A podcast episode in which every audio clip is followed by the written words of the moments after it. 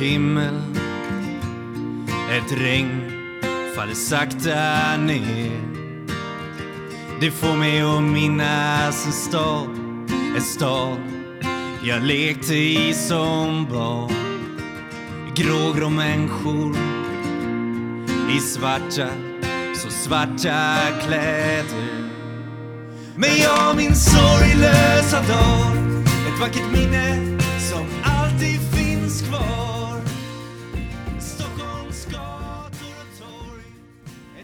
Ja, hej och välkomna till Beroendepodden avsnitt 62. Mitt namn är Anneli och med mig idag har jag Annika. min nya medarbetare. Yes. Det är så kul! du var garvad direkt.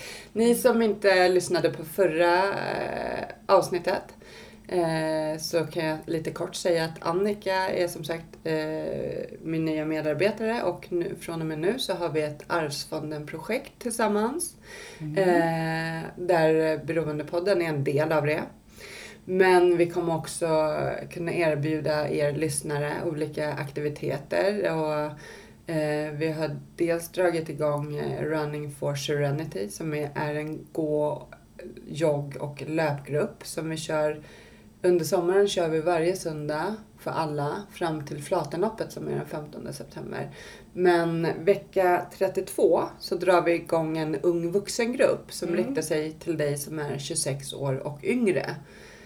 Ehm, och all information kommer finnas på hemsidan beroendepodden.com. Ehm, som sagt, så vi kommer dra igång en ung vuxengrupp Mm. vecka 32 och sen vecka 38 så kommer vi dra igång en eh, sorgbearbetningsgrupp. Eh, jag är ju utbildad eh, sorghandledare, eh, sorgbearbetningshandledare. Så kolla in hemsidan. Eh, och eh, till er som lyssnar för första gången, välkommen hit.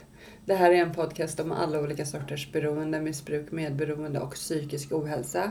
Och vi som driver podden och projektet lever själva nyktra drogfria. Mm. Du har ett gäng år. Mm. Man kan ju som sagt höra din historia i förra avsnittet. Precis. Och de som vill veta mer om mig, vem jag är, så kan man lyssna på avsnitt ett. Jag, eh, min huvuddrog är alkohol och jag har varit nykter nu. Den 15 september blir det 10 år. Och man kan Mm. höra den korta snygga versionen av mitt liv i avsnitt ett. Ehm, ja, som sagt, i dagens avsnitt så kommer vi få lyssna på en eh, fantastisk mä- människa som delar med sig av sitt liv, hur det var, vad som hände och hur det nu är. Ehm, och eh, du är ju inte med i, i dagens intervju. Och så kommer det se ut lite här framöver. Mm. Att det kommer vara en del intervjuer där du är med i Mm. början. Men inte Precis. under själva intervjun. Eh, ja, är det något som jag har glömt säga till lyssnarna här? Nej, alltså det är väl att berätta om att vi har ju dragit igång de här äh, söndagarna på Flaten. Mm. Eh, och hur eh, bra det har varit. Hur många som har anslutit och varit med och hur det har, alltså det har varit både alltså gågrupp, eh, löpgrupp och, eller jogg och löpgrupp. Eh, och eh, ja, det har varit eh, superkul faktiskt. Mm. Vi har varit upp till 27 personer. Mm. Eh, så ja. Och alla är välkomna. Ja men precis, det- både yngre och äldre och Ja. om du har någon missbruksbakgrund eller inte, alla är välkomna. Mm. Det- Ja, nej, men det har varit supertrevligt faktiskt. Och det är som sagt eh, gågrupp. Mm. Eh, den har ju du hållit i. Precis, precis. Och min grupp har varit så här, gå och jogga. Eh, Mm. Och sen så har vi ju då jogg och löpgrupp. Mm. Så om, som sagt, man behöver inte ha någon beroendeproblematik själv eller sy- lida av någon psykisk ohälsa. Däremot så är man välkommen ändå. Ja, precis. Och det har ju varit mycket samtal och så här. Man har lärt känna Mm. nya personer och Mm. vi har kunnat prata. Och så vill man komma och prata så går ju det bra också liksom. Walk Eh, and talk. Ja, men precis. Mm. Eh, Det tycker jag har varit helt fantastiskt faktiskt. Mm. Så ja, kom dit. Varje söndag fram till Flatenloppet. 15 september kör vi den. Ja, 18 och 10. 18.10 så ses vi vid stora entrén. Men Ja. informationen finns på hemsidan beroendepodden.com och där finns det även en länk som heter Hjälp att få, eller en flik som heter Hjälp att få. och man känner att man har eh, en problematik som man behöver ha stöd och hjälp med så på den sidan så finns det olika eh, länkar som man, till ställen där man kan vända sig om man behöver stöd och hjälp. Så eh, kika in på hemsidan och så hoppas jag att vi ses och så släpper jag in dagens gäst.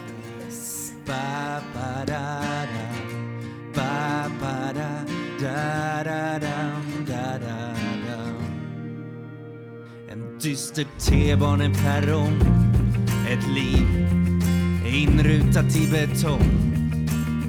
Stäng ut det andra med musik.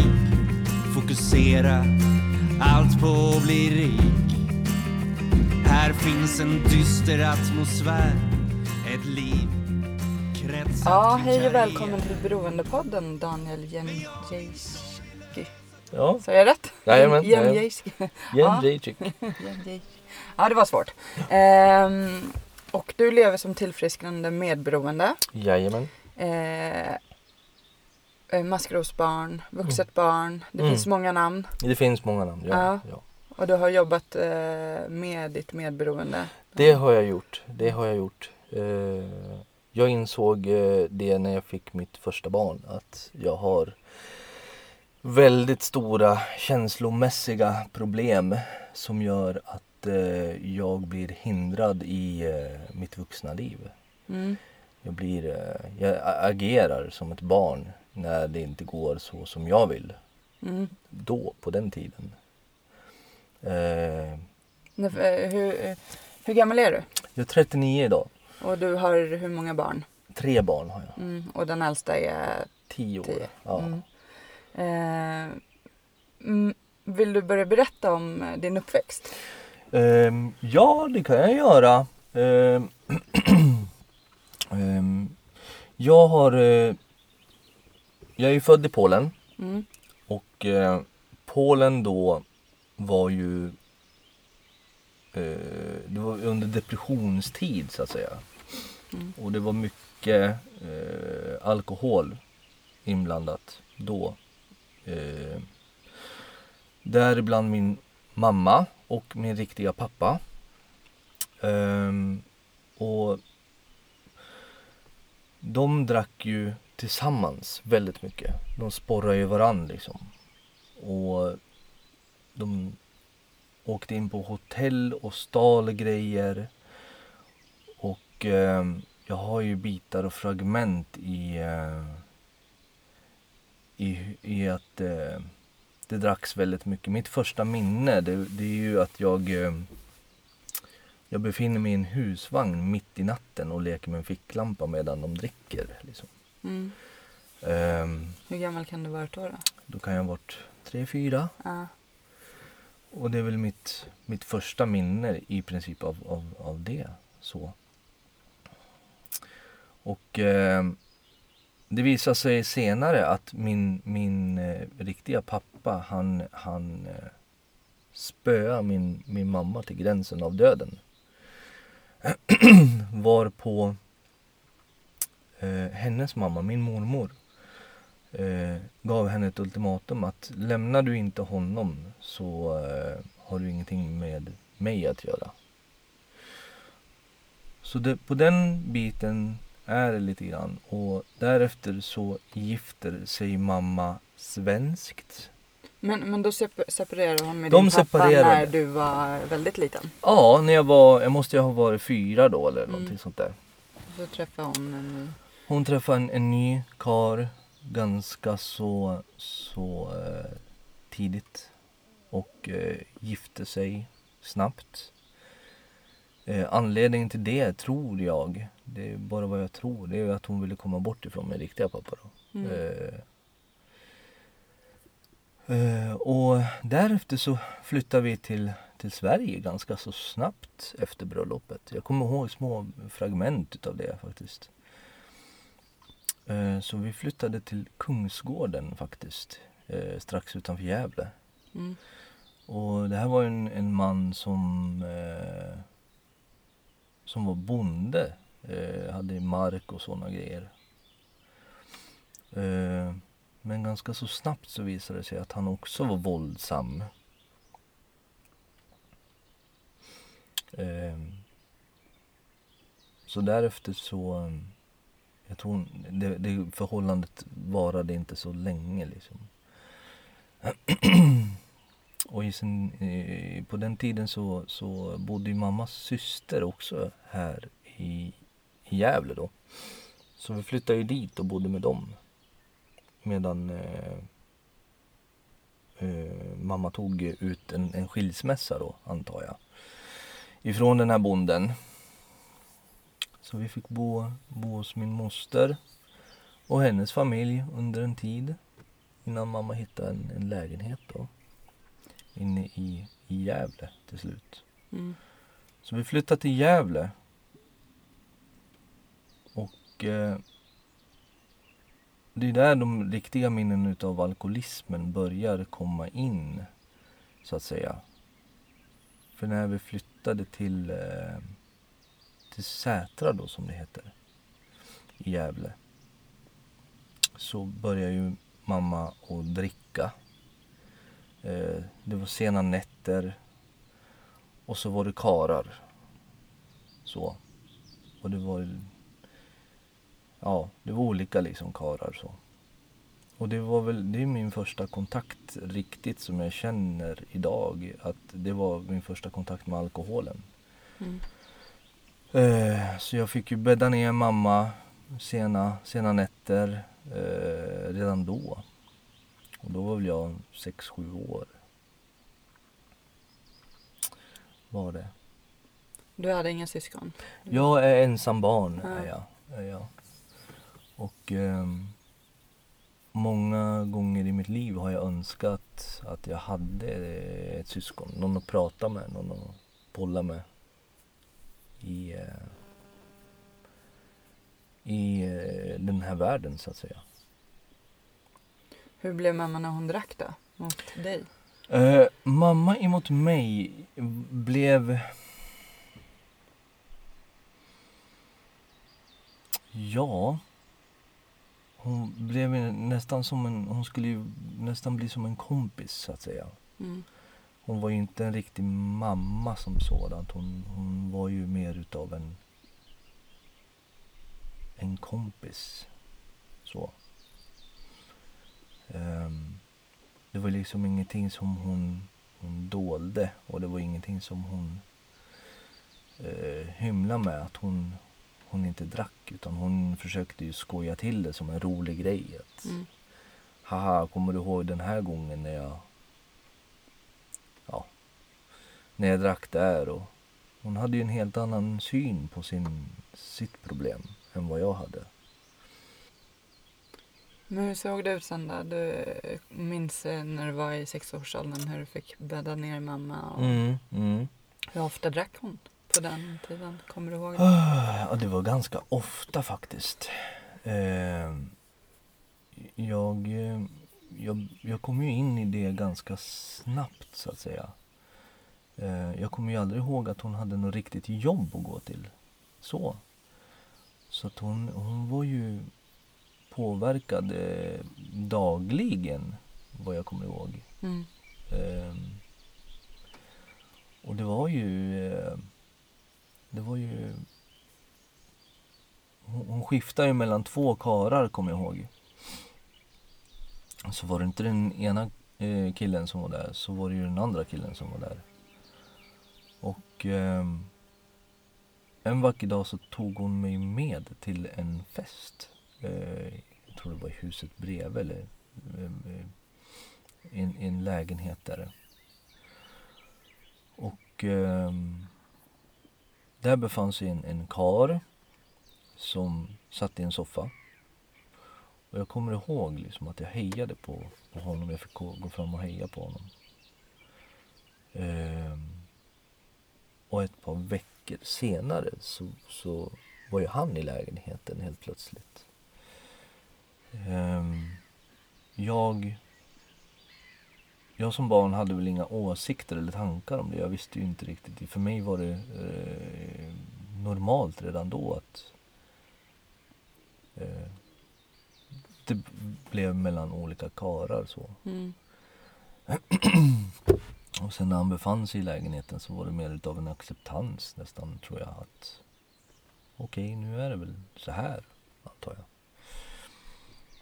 Och någonstans kring kring det så frågar jag väl mamma någonstans att vem, vem är det där liksom? Och hon ville ju gärna att jag skulle ha en fadersgestalt då. Så hon eh, intalade mig det att det här är din riktiga pappa. Eh, vi har känt varandra jättelänge och vi träffades i Polen och du, du, eh, ja det här är din riktiga pappa liksom. Och någonstans under den vägen så, så trodde jag ju på henne naturligtvis. Det var ju min mamma som sa det så jag litade ju på henne. Så. Och kort därefter så gifte de sig via tingshuset, kommer jag ihåg. Det var ju liksom inte ett kyrkligt bröllop utan det var ju tingsrätten. Då. Så att... Eh, så på den vägen är det. Och det visade sig ganska snabbt att han också drack. Mm. Gjorde han. Och eh, jag kommer ihåg eh, eh, att eh, en vacker dag så, så ställde han sig på knä utanför, eh, utanför lägenheten, eller ute på gatan så. Och så frågade han mig då, är det okej okay om, om pappa dricker? Och jag kommer ihåg en känsla som jag fick att det, här, det, det, är fel. För jag vet vad som händer när ni dricker. För det var redan bråk då. Mm. Mellan dem när de drack. Men som, som barn så är det ju en väldigt svår fråga. Och jag kommer ihåg att eh, jag sa ja. Att det var okej okay att han drack.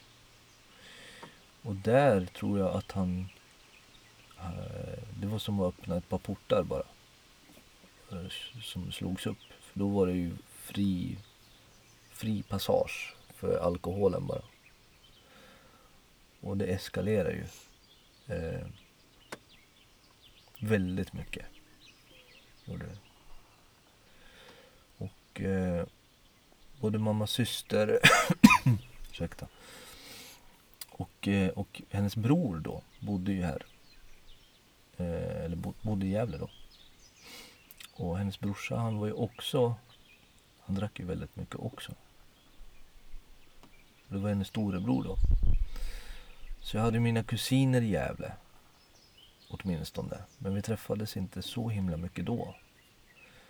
Ehm. Men han kom ju också förbi så han, eh, han kunde ju få det hela att börja till exempel. Kunde komma med en flaska sprit liksom. Det var ju, det hörde ju till att man träffades då. Mm. Eh, men problemet för mig var väl det att eh, de slutade inte att dricka. De drack inte bara på en helg eller en kväll och sen var det bra. Utan de fortsatte ju. Och de fortsatte i två veckor mycket mer än det så, så kommer jag inte riktigt ihåg. Liksom. Kunde de sköta de här äh, viktigaste, liksom mat och att du fick alla de grejerna under, mm. under de här äh, perioderna? Nej, det kan jag ju inte riktigt påstå eh, ifrån allra första början. Du fick eh, ta mycket ansvar själv? Jag fick ta mycket ansvar själv, ja. Eh, så. Det fick jag göra. Eh, maten kom väl lite grann när de hade sina nyktra perioder. Eh, var det. Hur, kommer du ihåg hur du mådde när du var barn? Alltså redan i tidig ålder? Nej, jag kommer inte ihåg så mycket för att jag tror att jag stängde av och stängde ner. Och jag gick in i eh, överlevnads... Eh, tillstånd. Mm. Um, för jag hade någonstans accepterat det, det var så där det, det såg ut. Världen såg ut så där. Um, mitt liv såg ut så. Och det var bara så. Mm. så Men- att, Och, men hur var du, du i skolan? Alltså, var det lugn eller var du... Jag tänker för att ha, om man har sådana hemförhållanden så kan man ju bli lite utagerande i skolan. Och, mm, mm. och det var ju precis det jag var. mm, Det var ju exakt det jag var. Ehm, jag hörde ju hur de betedde sig. Så jag började ju agera utåt i skolan mot fröknar, mot andra elever. Eh, och ganska snart så fick jag ju även reda på att eh, vi skulle flytta ifrån Gävle, ifrån Sätra. Och då skulle vi flytta till Bollnäs. Bollnäs hade jag aldrig hört talas om. Och vi flyttade i januari någon gång skulle jag tro. För att det var fortfarande vinter. Och i Gävle så finns det ju inte så himla mycket snö. När vi åkte upp till Bollnäs då var det helt vitt överallt. Och jag kommer ihåg att vi åkte i lastbil då. Så de hyrde väl in en firma. Jag kommer inte ihåg flytten, att vi packade så mycket. Utan jag kommer bara ihåg att rätt som det är så sitter jag i en lastbil och jag är på väg någonstans. Och då flyttade vi in i en, i en lägenhet i, i Bollnäs. Och det första de gjorde, det var ju att packa upp eh, grejerna. Och eh, jag gick ut och lekte i snön, kommer jag ihåg, alldeles utanför. Gjorde jag. Och jag trivdes i Bollnäs, kommer jag ihåg. För mig var ju pappa och mamma allt. Men de förstod inte själva att de hade problem och försökte söka hjälp eller vad sa de, liksom, vad sa de om sitt drickande till dig? Det var... Nej, för dem var det väl en, en, eh, bara en naturlig... eh, De hade ju den här ursäkten som sa att "Äh, vi dricker ju inte mer än någon annan. Nej.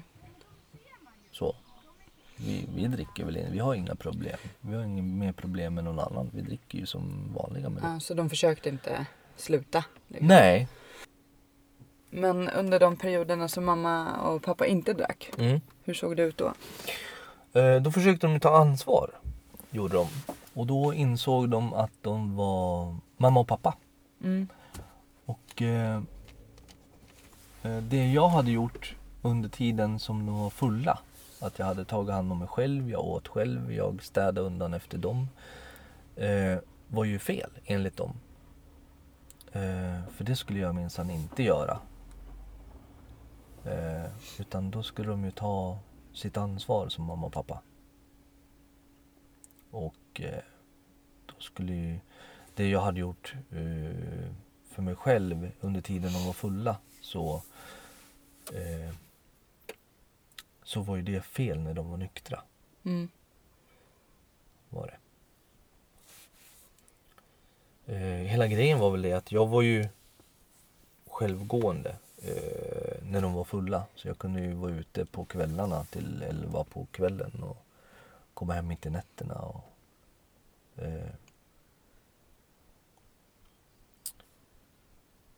och eh, jag ville bara eh, inte vara hemma just då. Och det var ju ganska tidig ålder.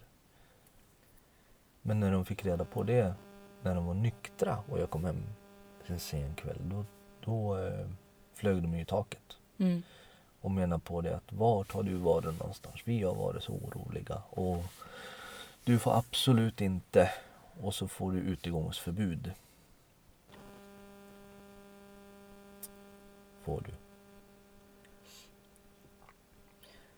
Men när du eh, blev lite äldre och så, hittade du själv till, liksom, eh, vad var ditt förhållande till alkohol själv? Eh, när- Blev det... Jag har ju aldrig haft problem själv. Nej. Eh, däremot så...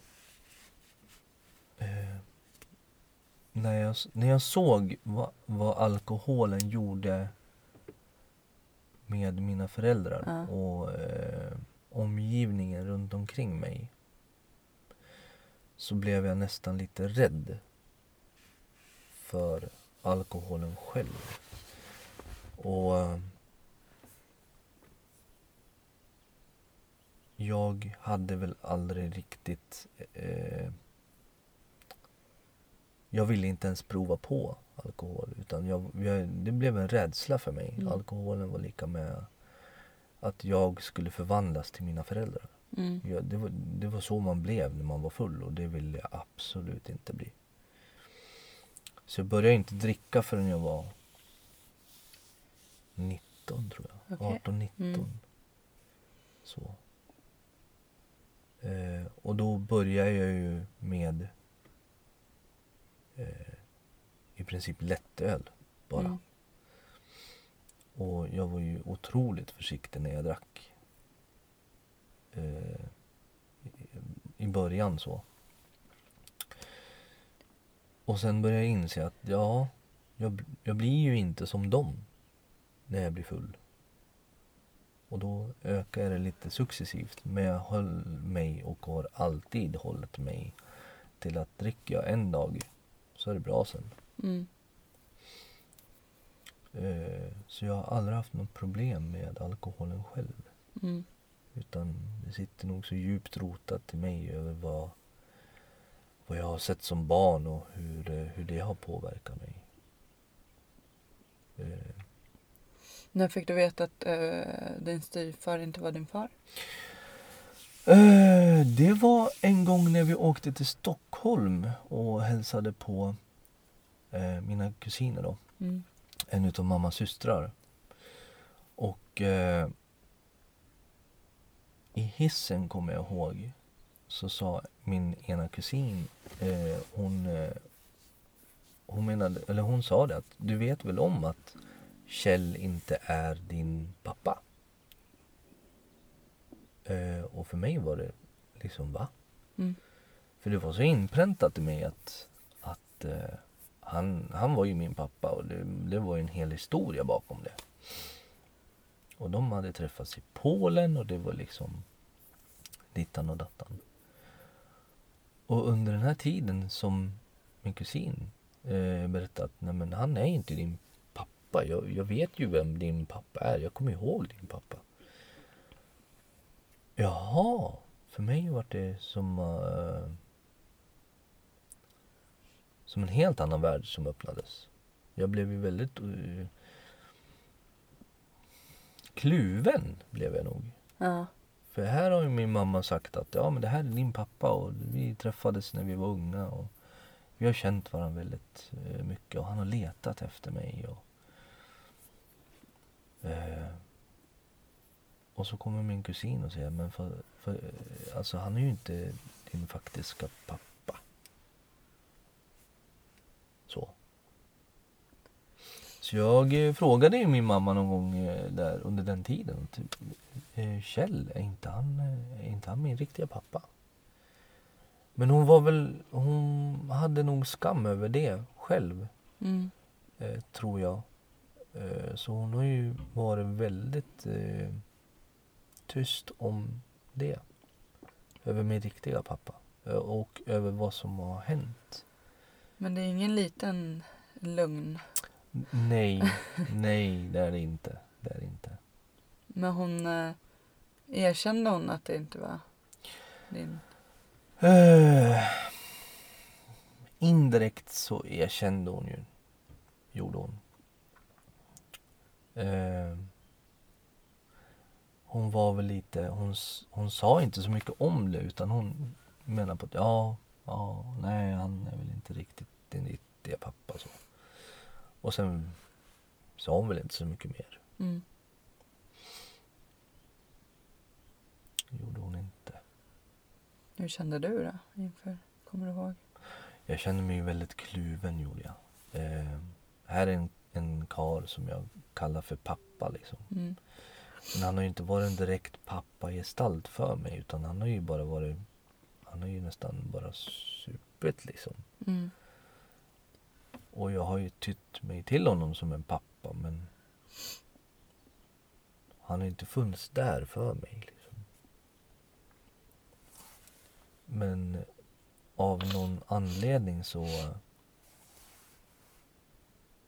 eh, så har han gjort det så att jag jag har sett honom som en pappa. Och det är väl den enda pappa som, som jag visste om just då, Mm. så att säga. Eh, Så jag hade väl någonstans accepterat det. Ursäkta.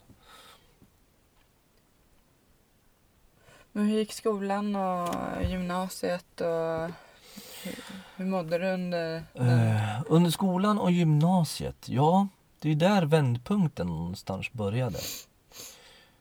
För eh, i, i, i högstadiet, då var det ju väldigt påtagligt att eh, de hade ju problem. Ja. Och jag, då, vid den tiden så visste jag ju liksom om det. Och jag var så, så less på det.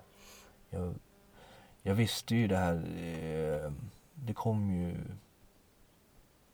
tecken hela tiden. Jag tog ju allting som ett tecken. Ehm,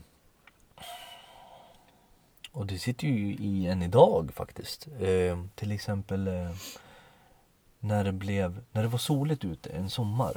Och så rätt som det var så kunde det börja bli mulet och regna. Ja. Någonstans där redan så kände jag magkänsla över att, aha, nu dricker de. Mm. Och det var så konstigt för mig för att det slog aldrig fel. Det slog aldrig fel över att åh vad härligt det är med sol och det är så skönt och det är så åh rätt som det är så kommer in ett åskmoln och så börjar det regna och där tog jag någonstans att aha, Mhm. nu vet jag ju.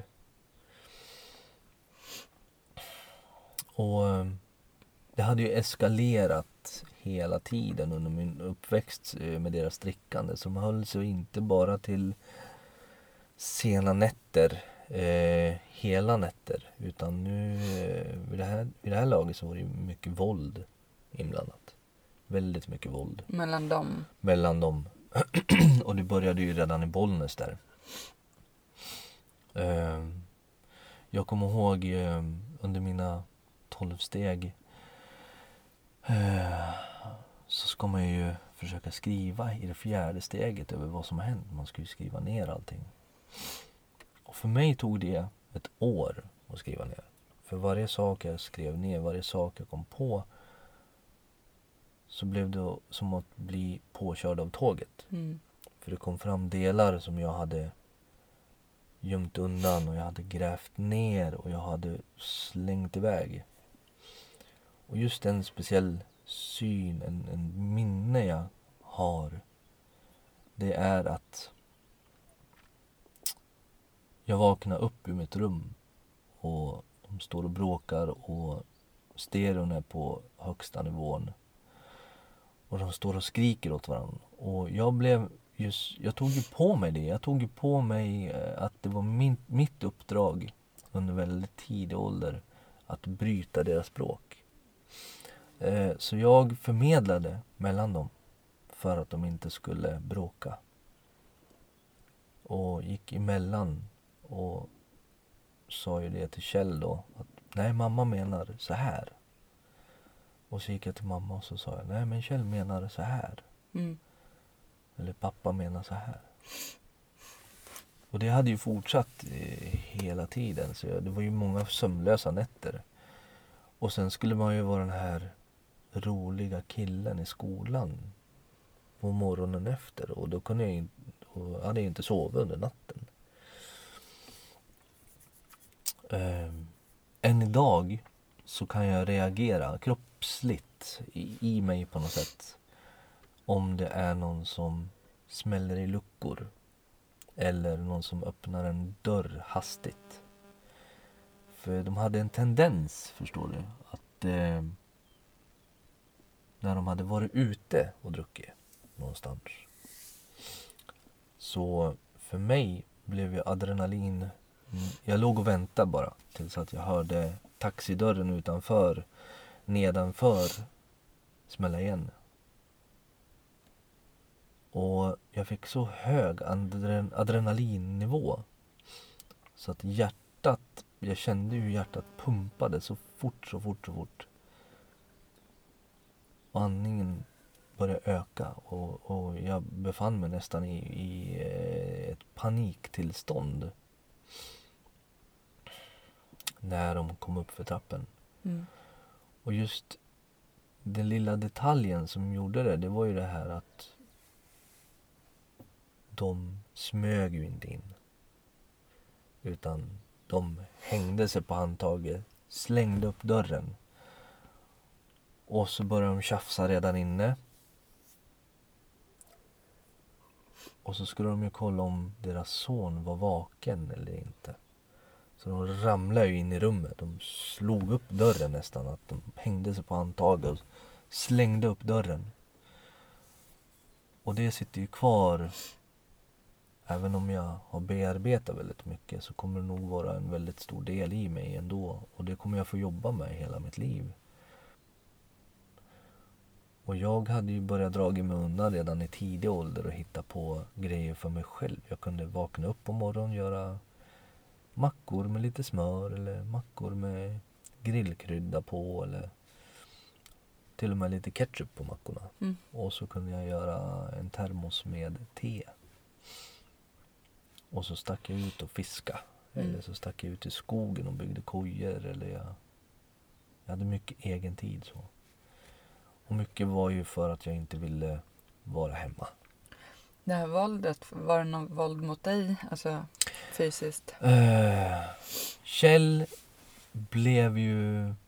Han var ju inte våldsam emot mig på sånt sätt. Men han var ju våldsam en gång. Och det var ju en gång då jag inte ville vara hemma. Eh, problemet med Kjell, det var väl att han utnyttjade min kärlek i, till min mamma. Mm. Och han vände det emot mig. Så jag fick ju i tidig ålder eh, i, Bollnäs. Eh, eh, det var ju så att de bråkade ju väldigt mycket på fyllan. Mm. Och jag tror att de bråkade även när de började komma in på fester eh, hos olika alkisar eh, i Bollnäs. Och då slutade det med att eh, mamman fick då Kjell utslängd ifrån festen.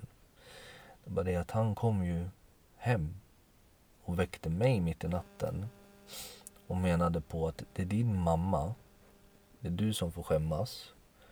Så det är lika bra att du går och letar reda på henne. Sagt och gjort. Men i de här gångerna då jag skulle leta reda på min mamma så kunde jag hitta henne naken i en säng i en lägenhet där det befann sig fem karlar. Mm. Och för någon som är 7, 8, 9, 10 år och klär på sin mamma från tårna till huvudet så att säga är ju inte det sätter sina spår. Mm.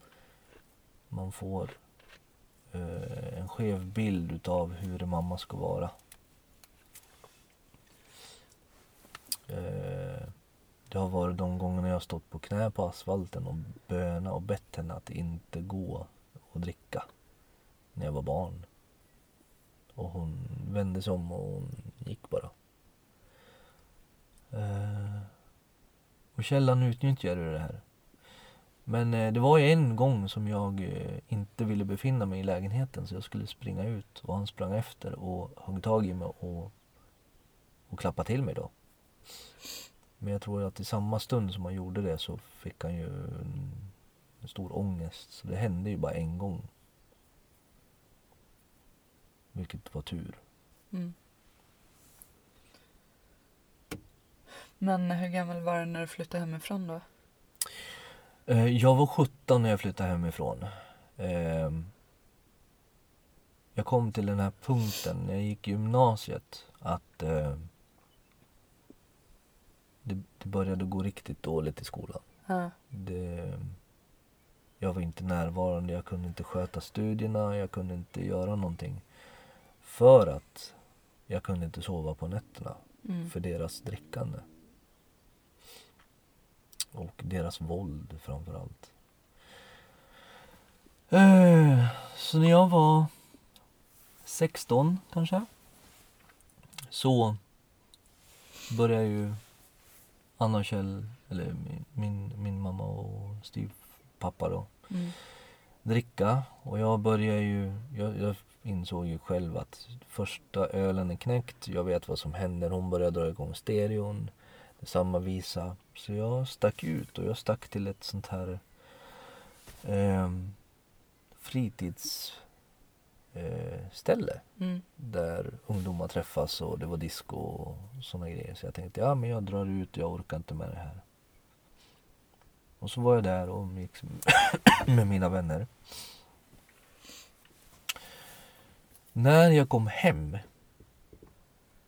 så kom jag in på gården och då står det alltså två polisbilar, två razziabussar och en ambulans utanför dörren. Och min första tanke, det var ju inte att jag blev orolig utan det var ju att, jaha, vad är det som har hänt nu då? Så jag börjar ju gå dit och så möter jag en polis. Polisen frågar mig, hej, är det du som bor här? Ja, säger jag. Okej. Eh, nu är det så att eh, din eh, pappa är på sjukhus och din mamma är i häktet. Här har du nycklarna. Sen åkte de Okej. till en 15-16-årig grabb. Ja. Så det i mig satte ju en, en, ett väldigt stort intryck över att det finns ingen som tar mig i ryggen. ja. Väldigt oprofessionellt skött av dem. Mm. Så där tappar jag ju tilliten till polisen. Mm. Ehm, jag kliver upp i lägenheten och det är blod på väggar. Och det, jag har ju handskats med blod förut. Eh, och det var blod på golvet. För det här var ovanligt mycket blod. Och då visade det sig att Anna, min, min mamma har ju attackerat eh, Kjell, min styvpappa, med en förskärare. Så hon högg honom i ryggen och punkterade en lunga på honom. Och det var ju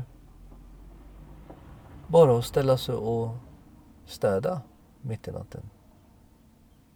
Torka bort blod och torka bort torka golv och göra snyggt och ställa ordning och sen gå och lägga sig.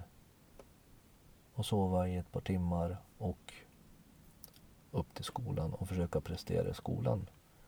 Vilket jag inte gjorde. Så där någonstans var en brytgräns för mig. För skolan ville ju egentligen att jag skulle sluta eh, gymnasiet. Och eh, jag fick då nog och kände att vad, vad är det jag skyddar egentligen? Nu får det vara nog. Mm. Så min lärarinna hon sa det. Du Daniel, om inte du skärper dig så blir inte du kvar i skolan. Och där någonstans gick min gräns att varken polisen vill hjälpa mig eller någon annan. Så jag slutar skydda dem här nu. Jag slutar skydda dem. Och då berättade jag för henne hur det såg ut. Och där blev ju den stora brytgränsen för mig. För att då fick jag ju snabbt gå till kuratorn. Berätta hur det var. Eh, I och med att jag hade haft kontakt med SOS i högstadiet. Så blev det ju en annorlunda historia. För när jag var ung då skydde jag ju dem. Då var det ingen problem hemma. De drack ju inte mer än någon annan. Men i gymnasiet hade jag fått nog och sa precis och exakt hur det såg ut. Så jag fick kontakt med SOS igen. Ehm, och där började ju bollen rulla igång. Jag fick ett, ett eget boende. Jag bodde ju då hos en kompis när jag var 17. Ehm, eh, jag fick snabbt ett boende på eh, ett, ett hem för ungdomar med problem. Eh, så. Och eh, jag eh, hade ju börjat komma upp i den åldern att jag var, hängde mycket på stan och tyvärr så utagerade jag ehm, även där inom Mm. vänskapskretsar och jag eh, hamnade i slagsmål väldigt ofta och det var liksom så jag kunde uttrycka mig. Var, jag kunde inte uttrycka med ord för jag hittade inte känslorna. Så blev jag blev jag förbannad, vilket jag blev väldigt fort. Jag kunde vakna förbannad för att jag var förbannad. Eller Mm. det var bara en dålig dag. Och så ut och ränna på stan och på kvällarna och bara leta bråk nästan. Och eh, när jag flyttade till, till boendet där så var det ju fyra andra eller tre andra ungdomar som, som eh, hade sina problem. Var det. Och eh, då menade de på att ja, du måste, eh, du måste ju visa att du kan klara dig själv innan du får ett, ett, eh, en lägenhet. Så. Och för mig var ju det en, en, eh, en förolämpning nästan med tanke på att jag faktiskt hade klarat mig sedan jag var väldigt, väldigt ung. Mm. Jag, hade ju, jag, jag kunde ju städa, jag kunde ju diska, jag kunde ju laga mat, jag kunde ju allt det där. Så i det gruppboendet så satt jag fast då i två år. Och det enda jag ville, det enda jag såg framför mig, det var en egen lägenhet. Så. Och socialen i sin tur sköt ju upp det där hela tiden. Mm. Och jag frågade gång på gång efter varje möte som vi hade.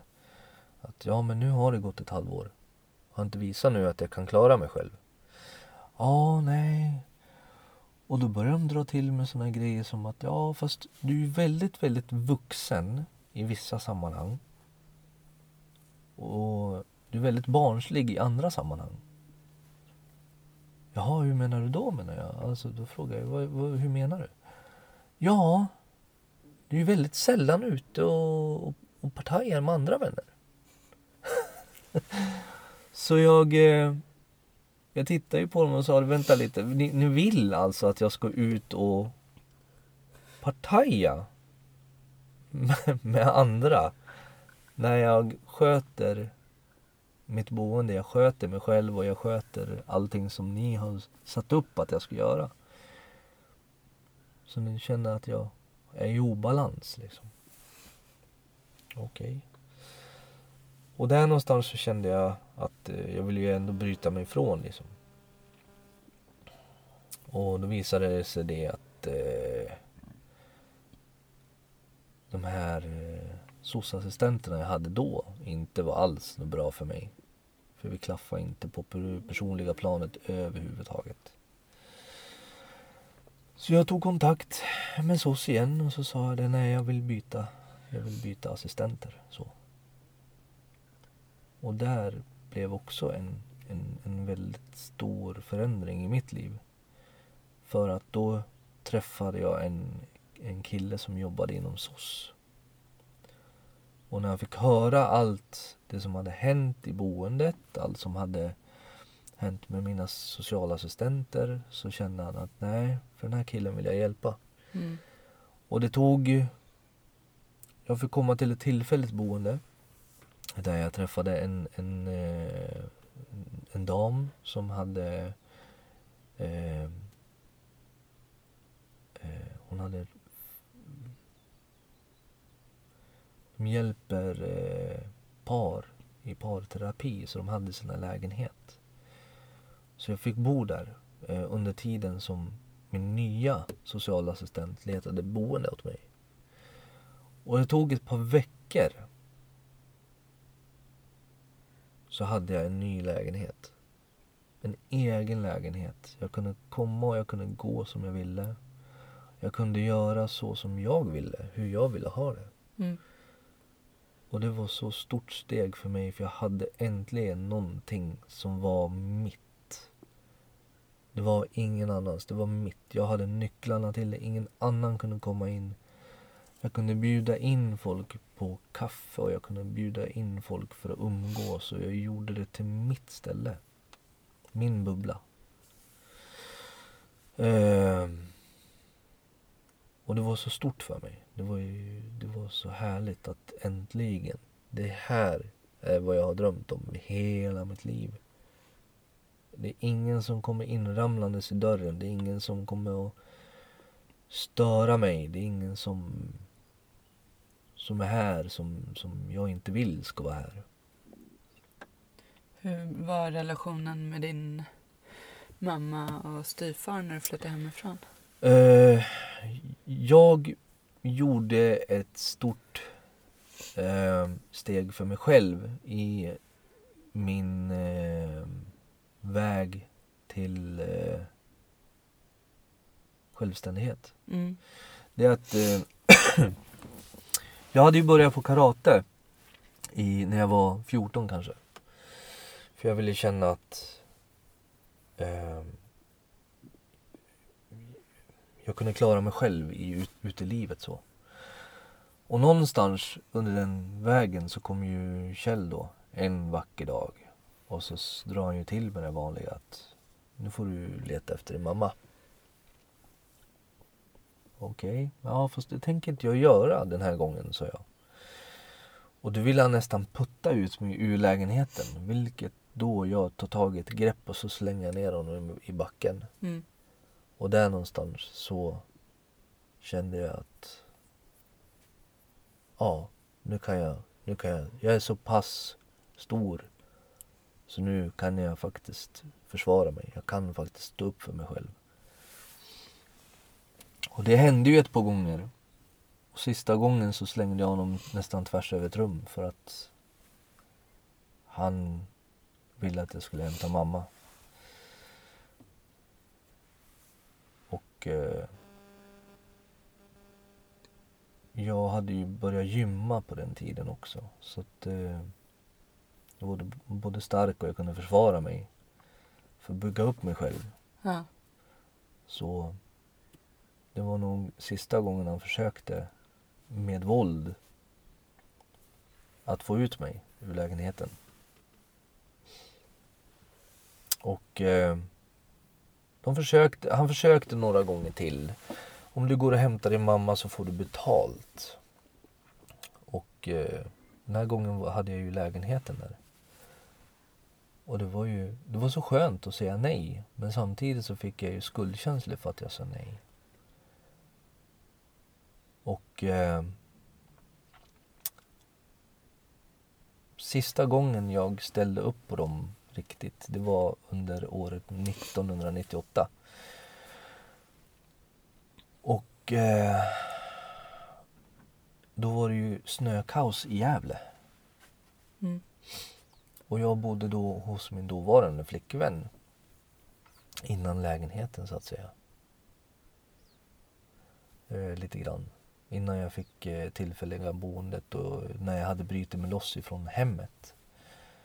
Eh, och då ville mamma låna 500 kronor av mig till mat. Och med mat så menar ju, hon ju naturligtvis alkohol. Mm. Och jag, jag visste ju det. Jag, jag förstod ju det. Långt inne i mig, min själ så förstod jag det. Men jag gick fem kilometer till dit hon bodde. Och så lämnade jag av 500-lappen. Mina sista pengar.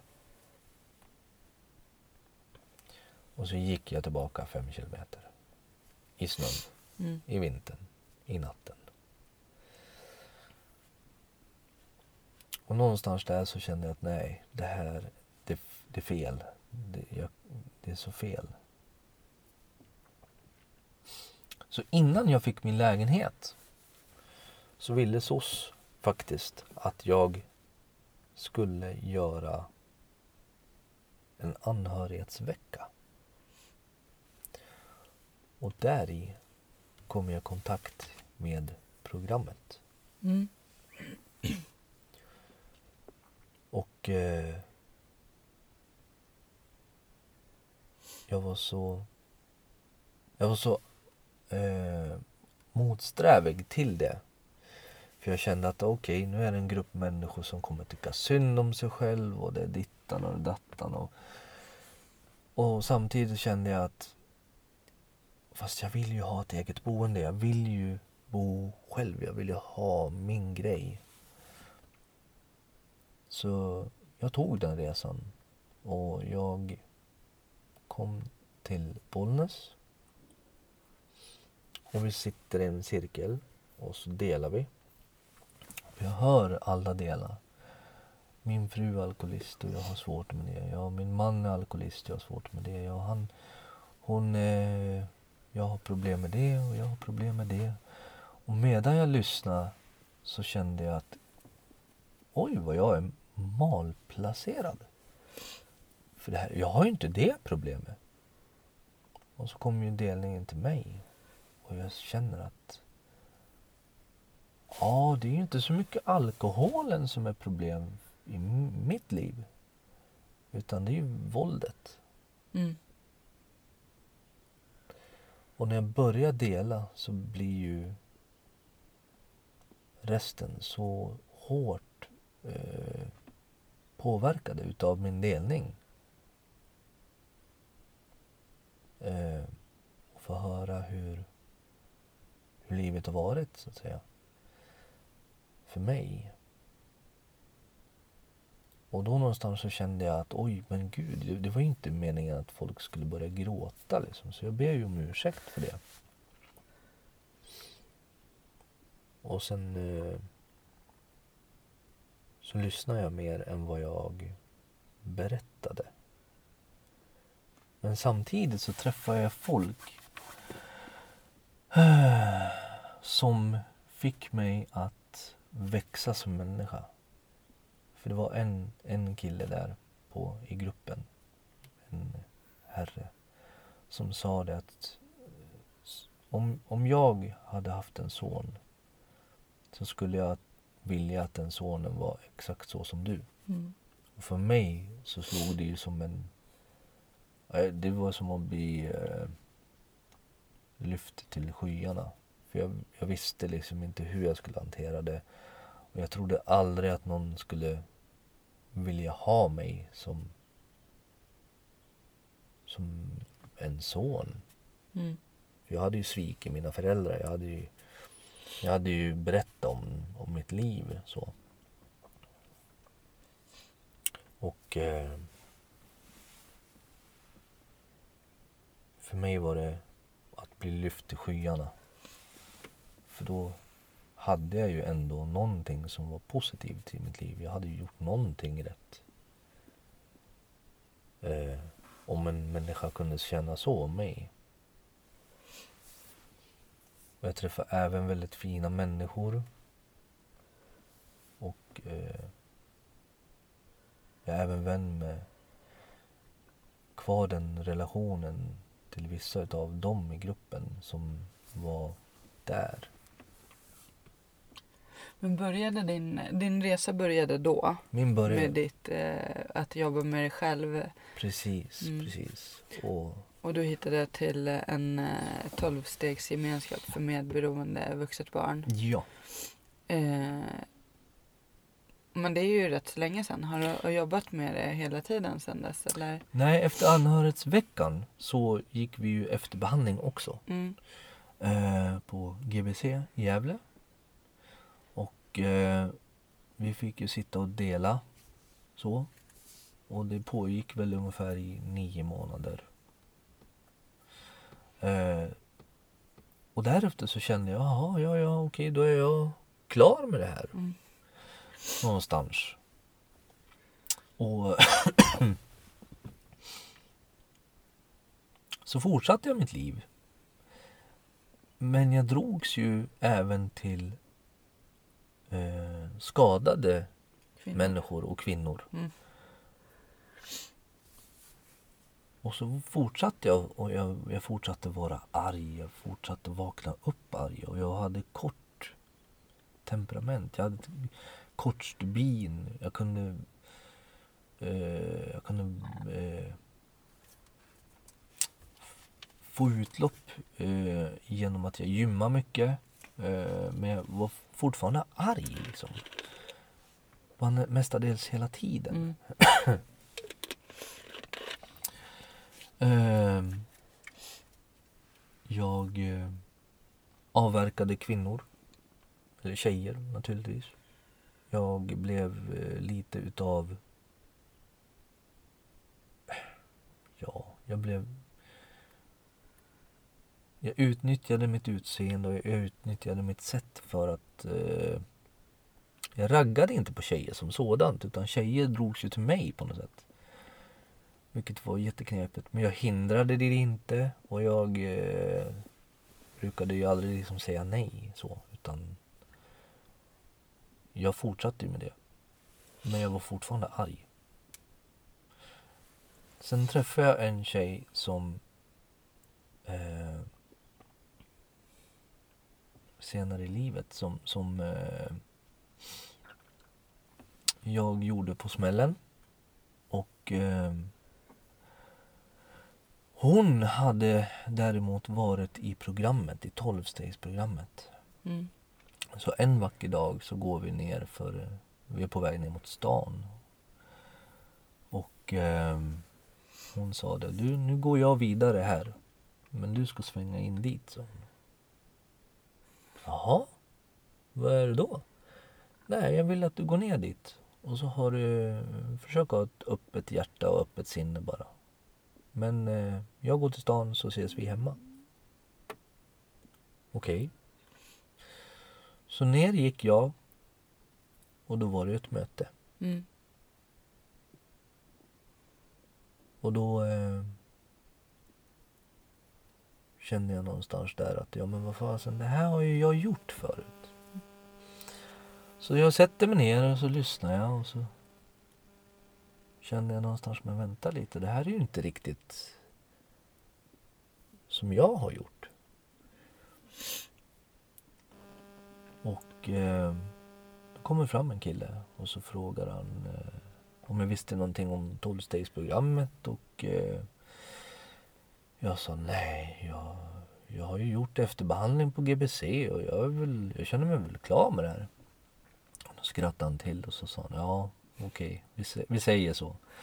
Men vi gör så här sa han. Eh, du får lite broschyrer här utav mig. Kolla igenom dem. Och känner du att fem, tio grejer stämmer in på dig så kan du väl komma tillbaka. Sagt och gjort. Så jag tar de där broschyrerna och så tänkte jag, ja vilken, vilka knäppisar. Eh, Så jag kollade igenom broschyrerna och där stod det ju naturligtvis. Det var ju ett ACOA-möte. Mm. De ser ju rätt igenom en. De ser ju att man har ju problem. Man, eh, man är inte riktigt där än. Man är ju inte tillfrisknande och det syns ju. Och eh, mycket riktigt så stämde ju väldigt, väldigt, väldigt mycket in på mig genom broschyrerna. Så jag tänkte att ja, okej, jag jag vaknar upp arg. Jag, jag, vak, jag, jag är liksom, jag skulle bara kunna slå till någon det första jag gör på morgonen för att få ur mig någonting. Och det är inte riktigt så jag vill. Jag väntar ett barn, eller jag, jag har en kvinna som jag väntar ett barn med. Vill jag verkligen föra över min, mina, min, det, allt det dåliga jag har med mig till mitt barn? Vill jag, eller vill jag göra någonting som är bättre? För jag kan bli bättre. Jag vet att, jag, att det måste finnas någonting bättre för mig där ute. Mm.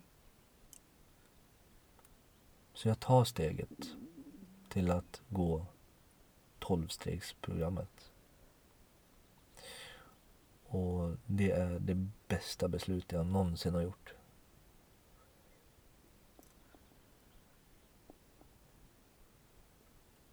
Och I samma veva som jag började 12-stegsprogrammet så träffar jag ju människor i programmet. Och så säger de att vi är med i en, en annan grupp också. Eh, som eh, är en liten gren utav det hela. För att hjälpa folk som är i ungefär samma sits. Men just då så, så, så jag hade börjat arbeta lite grann åt socialen. Och jag träffade eh, samma socialassistent som hjälpte mig till att få min lägenhet. Mm. Och han tyckte ju det var otroligt bra, otroligt fint. För att jag ville ju faktiskt, jag kände att jag ville hjälpa. Även om inte jag har en utbildning inom socialism eller so, som socialpedagog. Så har jag otroligt mycket erfarenhet. Mm. Och därigenom så hjälpte jag ungdomar då med samma sorts problem som jag själv hade. Och jag förstod ju någonstans att en 15-åring kommer ju aldrig öppna sig för en socialassistent som nickar och tittar ner i ett papper och skriver ner någonting. Mm. Så jag tog det steget och så hjälpte jag ungdomar via, via SOS. Jag insåg någonstans att att vara förbannad för att man är förbannad det gör en förbannad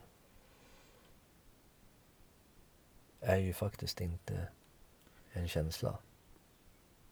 För förbannad, det är inte en känsla. Arg är en känsla. Mm. Ledsen är en känsla. Sårad är en känsla. Förbannad, det, är, det, det finns ingenting som kopplar det ordet till en känsla. Ja. Och Nej, då men, kan jag ju liksom sålla, sålla ut det. mm. Vi ska avrunda. Jag är helt tagen av din historia och eh, du har ju fått uppleva sånt som inga barn ska behöva få uppleva.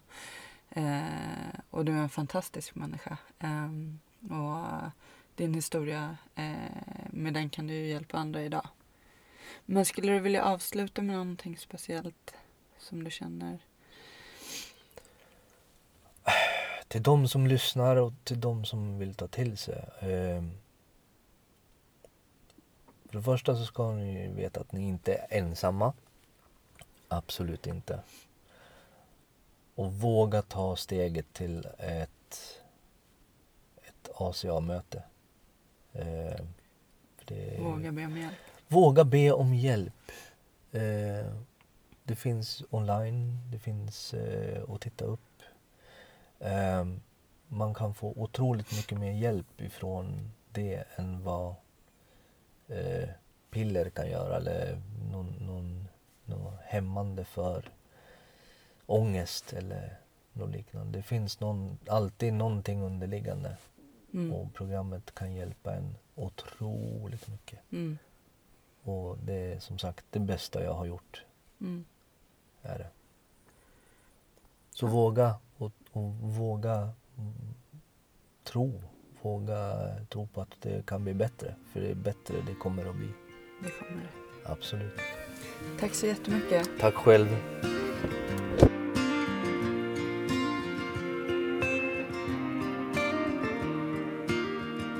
Mörk himmel Ett regn faller sakta ner det får mig att minnas en stad En stad jag lekte i som barn. Grågrå människor i svarta, så svarta kläder.